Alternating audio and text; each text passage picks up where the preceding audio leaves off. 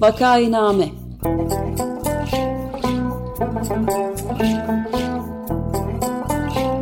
Salgın günlerinde memleket manzaraları Hazırlayan ve sunanlar Güven Güzeldere, Ömer Madra ve Özlem Tekin.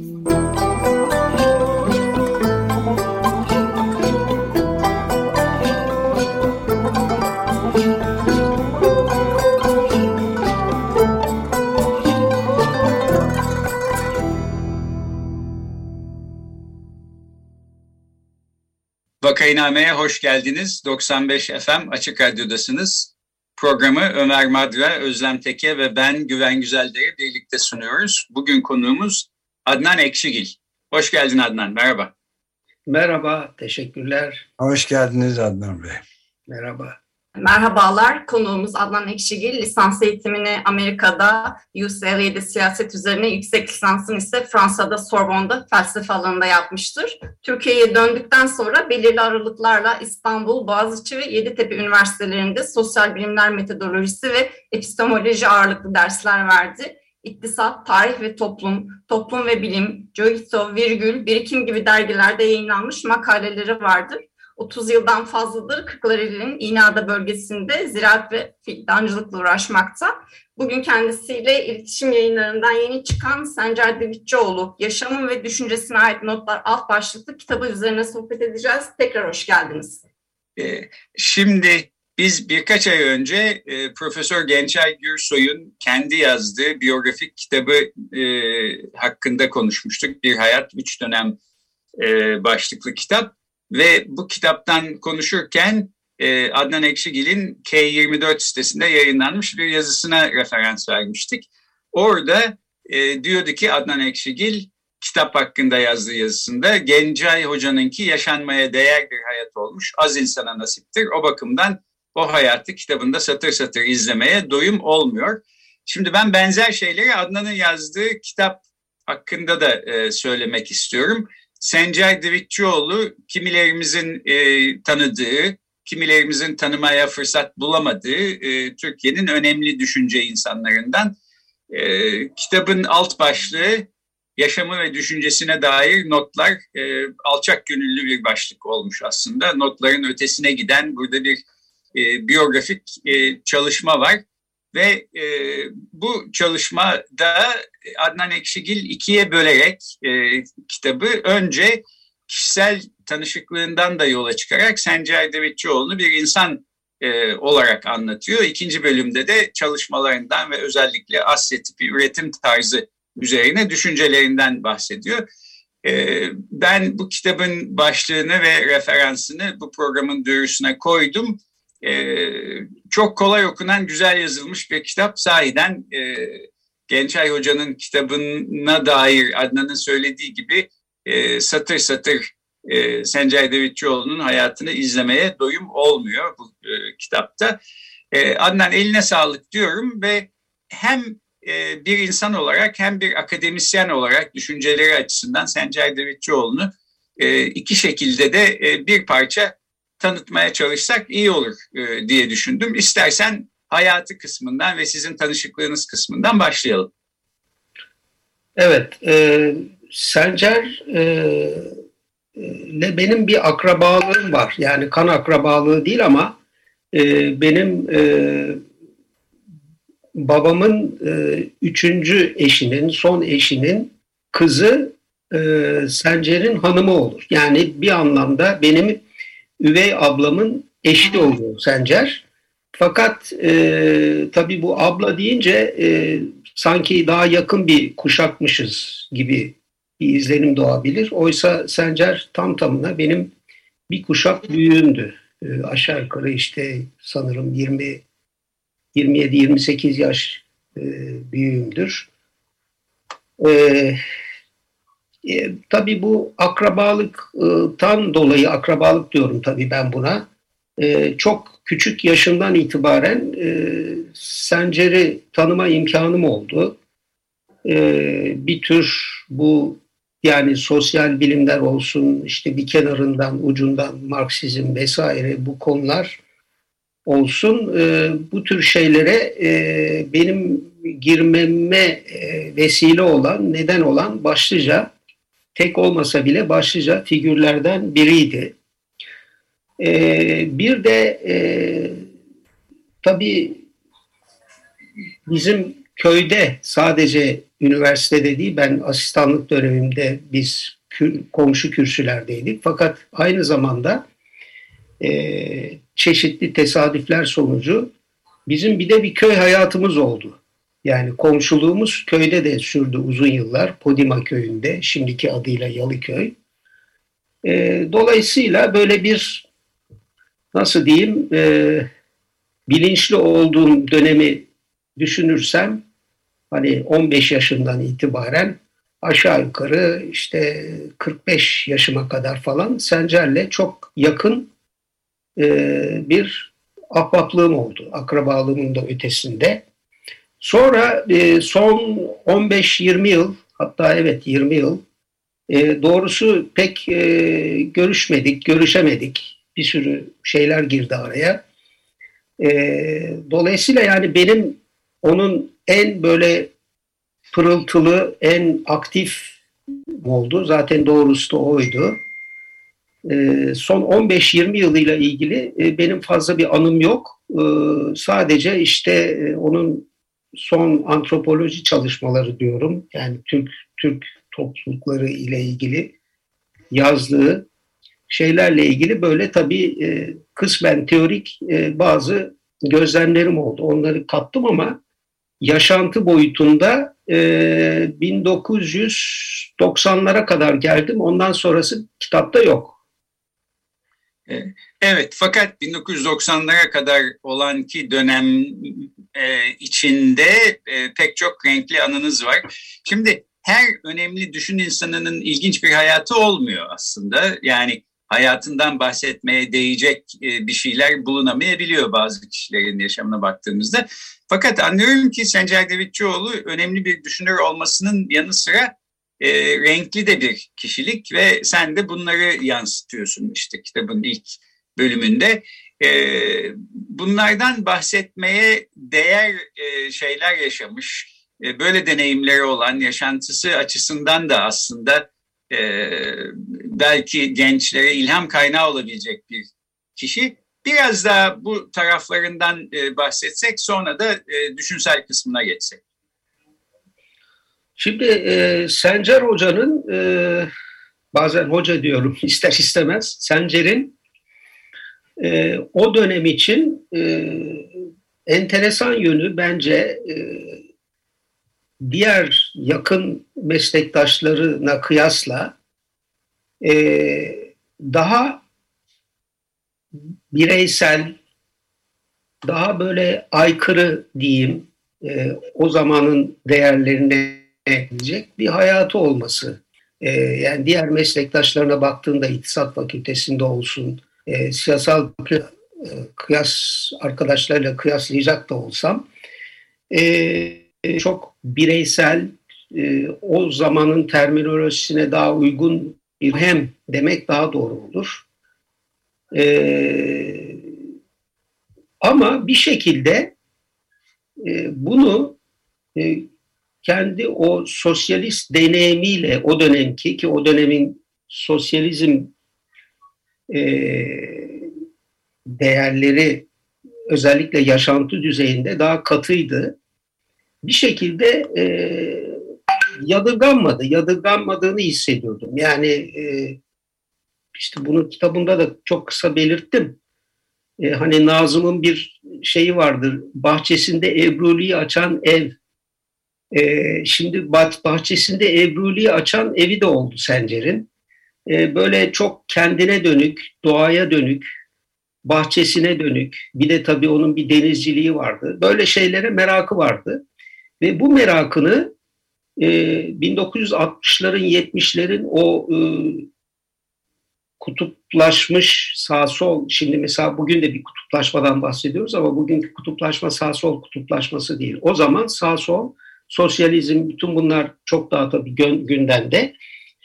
O kutuplaşma içinde bir şekilde bu hayatını e, kendi sosyalist kimliğiyle bağdaştırmayı becerdi. Yani arkadaşlarına da bir anlamda yakınlarına kabul ettirdi. Böyle bir özelliği vardı. E, bu da bana ilginç gelmiştir doğrusu. E, evet, bu e, Podima e, köyünde yaşarken mesela e, Sencay Davitçioğlu'nun mutlaka e, işte köyün kahvesine gittiği, orada belli bir zaman geçirdiği insanlarla konuştu filan üstüne de e, anılarından bahsetmişsin. Üstelik burada böyle bir e, e gerçekçi olmayan e, ümitler ya da hayaller de yok. Yani ben gider köy kahvesinde herkesin e, işte herkesi ikna ederim, doğru düşünmelerini sağlarım, herkesi kendi görüşüme getiririm falan gibi bir görüş olmadan insani bir ilişki kurmak için yalnızca ama bunu çok ciddiye alarak e, yapıyor diye anlıyorum. Evet, evet. Yani onda hiçbir zaman böyle bir hani e, o her zaman bir şehir insanıydı. Bunu her zaman söylemiştir. E, hani böyle bir köye dönüş, köye kaçış, işte doğaya kaçış filan bu tür diskurlardan pek e, hoşlanmazdı. Daha doğrusu e, çok onu etkileyen diskurlar değildi bu bunlar. E, yani onun köy hayatı da o bakımdan köydeki hayatı yani bu köy hayatı da denmez. Çünkü aslında İstanbul'un uzak banliyösü sayılabilecek hele bugün artık banliyö sayılabilecek. İstanbul'un bir köyünde yaşadı ama sürekli mesleğiyle mesleğini de sürdürdü bir yandan. Hiçbir zaman böyle tam tamına e, kapanmış değildi köye. E, ve e, böyle bir köy romantizmi içinde hiçbir zaman olmadı. Hatta tam tersine e, bir tür anti romantik e, fazla gerçekçi bazı konularda olduğunu söylemek bile mümkün. E, peki e, biraz da işin düşünsel tarafına geçelim. Ben şimdi program başlamadan önce e, Ömer Bey'e sordum siz tanıyor muydunuz diye tanışıyorlarmış. E, bunda da çok şaşılacak bir şey yok. Ömer Bey siz belki daha ziyade düşünsel tarafıyla tanıyor olabilirsiniz Sencer Devletçioğlu'nu. E, öyle midir? Evet esas itibariyle öyle düşünsel e, yanıyla verdiği özellikle üretim tarzı üzerinde bir dönem son derece tartışma konusu olan bir noktaydı onun üzerinde verdiği çeşitli e, birkaç konferansında bulundum. O vesileyle de tanıştık ve biraz da konuşma fırsatımız oldu ama öyle yakın bir dostluğum maalesef olmadı yani. Ama çok iyi bilinen ve etkileyici düşünceleri ve davranışlarıyla da etkileyici bir düşünürdü diyebilirim. E, peki şimdi en e, önemli katkılarından bir tanesi Sencay Devletçioğlu'nun Asya tipi üretim tarzı üzerine e, analizleri. Bu hem iktisadın bir konusu, işte Marx'ın zamanında çok kafa yorduğu bir mesele. Avrupa merkezli ana akım e, üretim tarzlarının dışında başka dünyada neler olduğunu, olabileceğini merak edip araştırıyor Marx. Fakat e, bu konuyu e, hakkıyla e, inceleyebilmek için biraz tarih de bilmek gerekiyor. Dolayısıyla Sencer Devletçioğlu belki önceleri aklında yokken iktisatçılığının yanında bir de tarihçiliği ekleyerek e, bu çalışmayı yapıyor diye anlıyorum. E, doğru mu anlıyorum Adnan? Buradan sonrasını biraz sana bırakayım. E, yani tabii Sencer hiçbir zaman e, tarihçi olmadı. E, öyle bir iddiası da olamazdı zaten. E, fakat bu e, Asya üretim tarzı şeyine girince, konusuna girince e, bu sonuçta e, Marx'ta e, çok da böyle ilk başlarda e, dikkate alınmamış e, Marx'ın e, Kapital'in ilk yazmalarında yani Grundrisse'de filan bahsettiği e, bir konu konuydu. Ve bu konu sonra önem kazanınca özellikle Avrupa'da bunun tartışması başlayınca özellikle Maurice Godelier diye bir e, Fransız e, iktisat tarihçisi daha doğrusu antropolog diyelim e, o ortaya koymuştu. E, yani sonuç olarak bu bir model ve bu modelin e, belirli e, toplumsal gerçekliklerde, belirli ülkelerde e, uygulanıp uygulanmaması onu ilgilendiren kısmıydı işin, Sencer'i ilgilendiren. E, tabii bu bile ama e, ister istemez Osmanlı tarihine biraz e, çok belki yüzeysel de olsa birazcık girmesini gerektirdi. O anlamda da Osmanlı tarihiyle e, çok hızlı bir şekilde, çok yoğun bir şekilde e, uğraştığı bir dönem. Ve tabii önemli olan onun için bu ATÜT diyoruz biz yani Avro tipi üretim tarzı, AUT diyen de var. E, dile daha kolay geldiği için ATÜT diyorum ben. E, ATÜT'ün e, Osmanlı e, da Osmanlı düzeninde e, bir anlamı olup olmadığı, e, Türkiye'nin e, bugünkü durumuna kapitalizmle bütünleşmesinde e, ne tür bir anlam taşıdığı, taşıyabileceği gibi konularda e, ona bir heyecan verdi, ilham verdi. Bunu ele alıp, bu modeli ele alıp Osmanlı'da e, uygulamak. E, evet. Ona nasıl e, vesile olan aslında ilginç bir şekilde Kemal Tahir olmuştur. Yani Kemal Tahir bir tür ona sipariş etmiştir. E, e, o da Selahattin Hilal diye bir felsefeci vardı o dönemde. E, Selahattin Hilal'ın ilk bahsetmesiyle Kemal Tahir bunu duyuyor, çok heyecanlanıyor. E, bu atüt meselesini öğrenince. Ve işte Sencer'in de e, Marksist iktisadı iyi bilen biri olduğunu duyduğu için bir tür Sencer'den hadi Sencer bu işi çalış diyor bir tür. Ve Sencer bu şekilde girdi aslında. Yani Kemal Tahir'in e, teşviğiyle e, diyebiliriz. Hayli e, ayrıntılı olarak tartışılmıştı. E, yani Asya tipi üretim tarzı ve Kemal Tahir'in sonradan eserlerine de yansımasıyla ilgili olarak yani şimdi biraz önce konuşuyorduk bu kutuplaşmadan filan sol içinde ciddi bir tartışmaya da meydan verdiğini de hatırlıyorum ben. Yani Selahattin İlhan'ın da adı geçti. Onu da tanıma fırsatım olmuştu. Çok değerli bir e, kişiydi o da. Evet, evet. E, yani bayağı çok ciddi bir şimdi tuhaf gelecek e, bugünkü genç nesillere böyle bir konunun çok hararetli tartışmalara yol açması filan ama tamamen teorik bir e, konu üzerinde derin tartışmalar yapılıyordu. Bu vesileyle onları da anmış olduk kitabınız vasıtasıyla.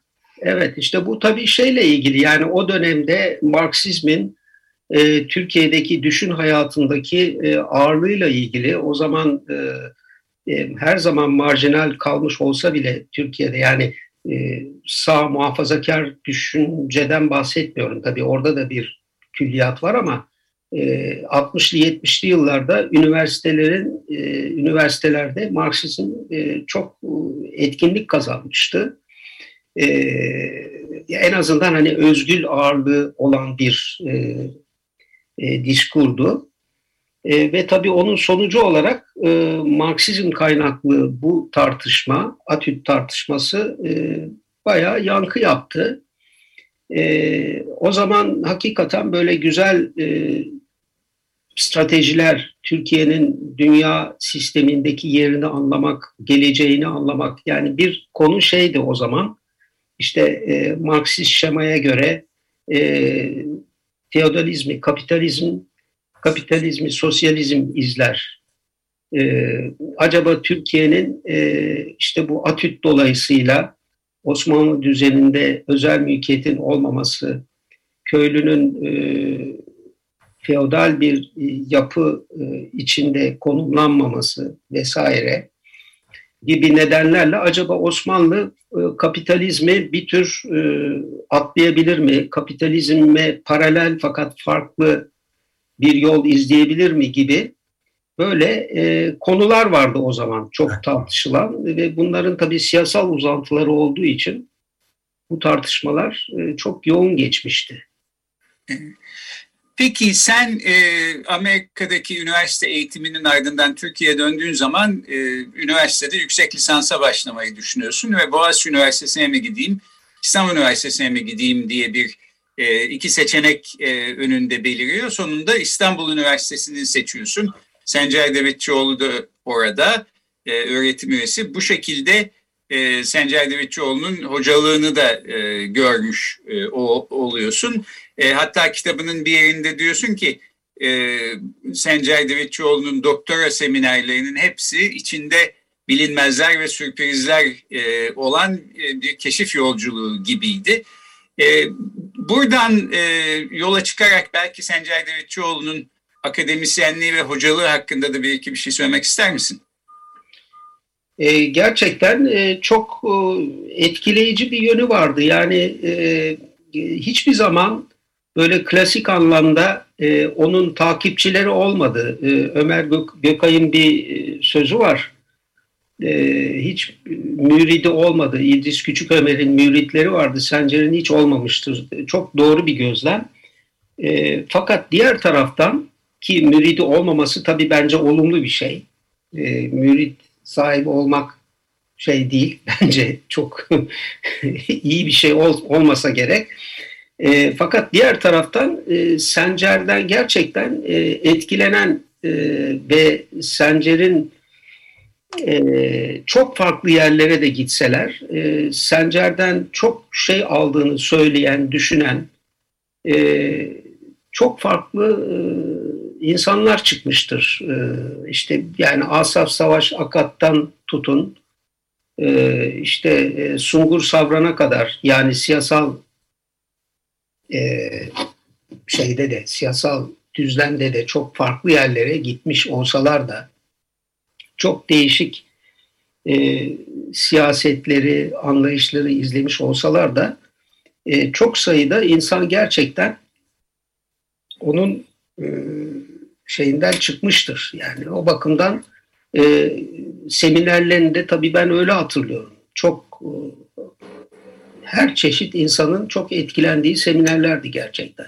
Peki kitabın son kısmında son söz e, niyetine başlığıyla e, bir iki sayfa var. Orada diyorsun ki e, 1960'lar 70'ler Türkiye için bir tür küçük mini rönesans e, dönemiydi. O dönem geçti. E, belki ileride yeniden öyle bir dönem çıkabilir. Fakat öyle bir dönem çıkana kadar Sencer Divitçioğlu filan gibi çok yönlü, renkli, verimli, e, parantez içinde efsane hocaların e, pek ufukta e, görünmediklerini söylüyorsun. Belki de hiç olmayacaklar. O yüzden şimdilerde kıymete binmeleri boşuna değil diyorsun. E, bu bence de doğru. E, başkaları da aslında buna benzer şeyler söylüyorlar. Murat Sevinç örneğin birkaç hafta önce e, Mülkiye'den hocası Yavuz Sabuncu hakkında bir yazı yazmış. Orada da benzer şeyler söylüyor. İşte Mümtaz Soysal'dan, Cem Eroğlu'dan, başka hocalarından söz ediyor. Onunla da aslında bir program yapalım diye sözleşmiştik. Ben programı kapatmadan son sözü sana bırakayım Adnan. Yani niye bu efsane hocalar artık ortalıkta yok? Kıymete binmiş olmaları tabii çok önemli ve senin e, yazdığın bu kitap gibi eserlerin e, arkada bırakılmış olması da çok önemli ki işte gençler, e, genç kuşaklar tanısınlar bu insanları. Benim mesela şahsen tanışma imkanım olmadı. Bu kitap olmasa kim olduğunu da bilmeyecektim e, bu şekilde bir ilham kaynağı e, olarak e, aslında bu insanları görmek ihtiyaç var. Fakat ortalıkta yoklar galiba. E, son e, toparlamak üzere ben sözü sana bırakayım. Yani bence o dönemin özelliğiyle ilgili tabii işte bu Sencer Hoca, efsane hoca, şey İdris Küçük Ömer Sencer Hoca e, gibi insanlarla ilgili bu nitelemeler e, o dönemin özelliğiyle ilgili oldukça e, özel bir dönemdi o. Bir işte arayış dönemiydi. E, çok daha az yazılan, çok daha az okunan, çok daha sınırlı okuyucunun, konuşmacının bulunduğu bir dönemdi. Dolayısıyla o ona böyle bir nostaljiyle bakıyoruz. Ve birçok bakımdan da o dönemin bazı özelliklerini arıyoruz ama herhalde böyle bir şey bulamayacağız. Yalnız şu ilginç ben e, bu kitabı e, yazdığımda e, hep sanıyordum ki e, yani sonuçta işte belirli bir yaş grubunun üstünde insanlar e, ilgi duyar, buna bakar, okur falan. Fakat e, çok şaşırdım. E, bana gelen bazı işte mektuplardan e, gördüm ki bir takım genç de her nasılsa e, ilgileniyor. Yani bu hocaları tanıyorlar, tanımak istiyorlar. E, yani bir ilgi nedense e, olduğunu hissettim. Bu da ilginç geldi bana. Mesela Barış Ünlü benim kitabı yazmama vesile olan Barış Ünlü de genç bir akademisyen. Ee, Barış Ünlü vasıtasıyla ben başkalarını da gördüm. Ee, bibliograf, bibliograflarda falan. Ee, yani gerçekten e, o dönemi anlamak isteyen, o dönemi iyi bilen e, çok insana rastladım ve şaşırttı bu beni. Evet, dolayısıyla kitabın yazılmış olmasının da iyi bir şey olduğunu herhalde e, yeniden teyit etmiş oluyor bunlar. Evet. Peki böylece bitirelim. Bugün konuğumuz Adnan Ekşigil'di. E, birkaç ay önce iletişim yayınlarından çıkmış olan Sencer Divitçioğlu Yaşamı ve Düşüncesine Dair Notlar kitabı üzerine konuştuk. Çok teşekkür ediyoruz Adnan. Ben teşekkür ederim. Çok çok teşekkürler Adnan Bey. Görüşmek Teşekkür üzere. Sağ olun. İyi yayınlar.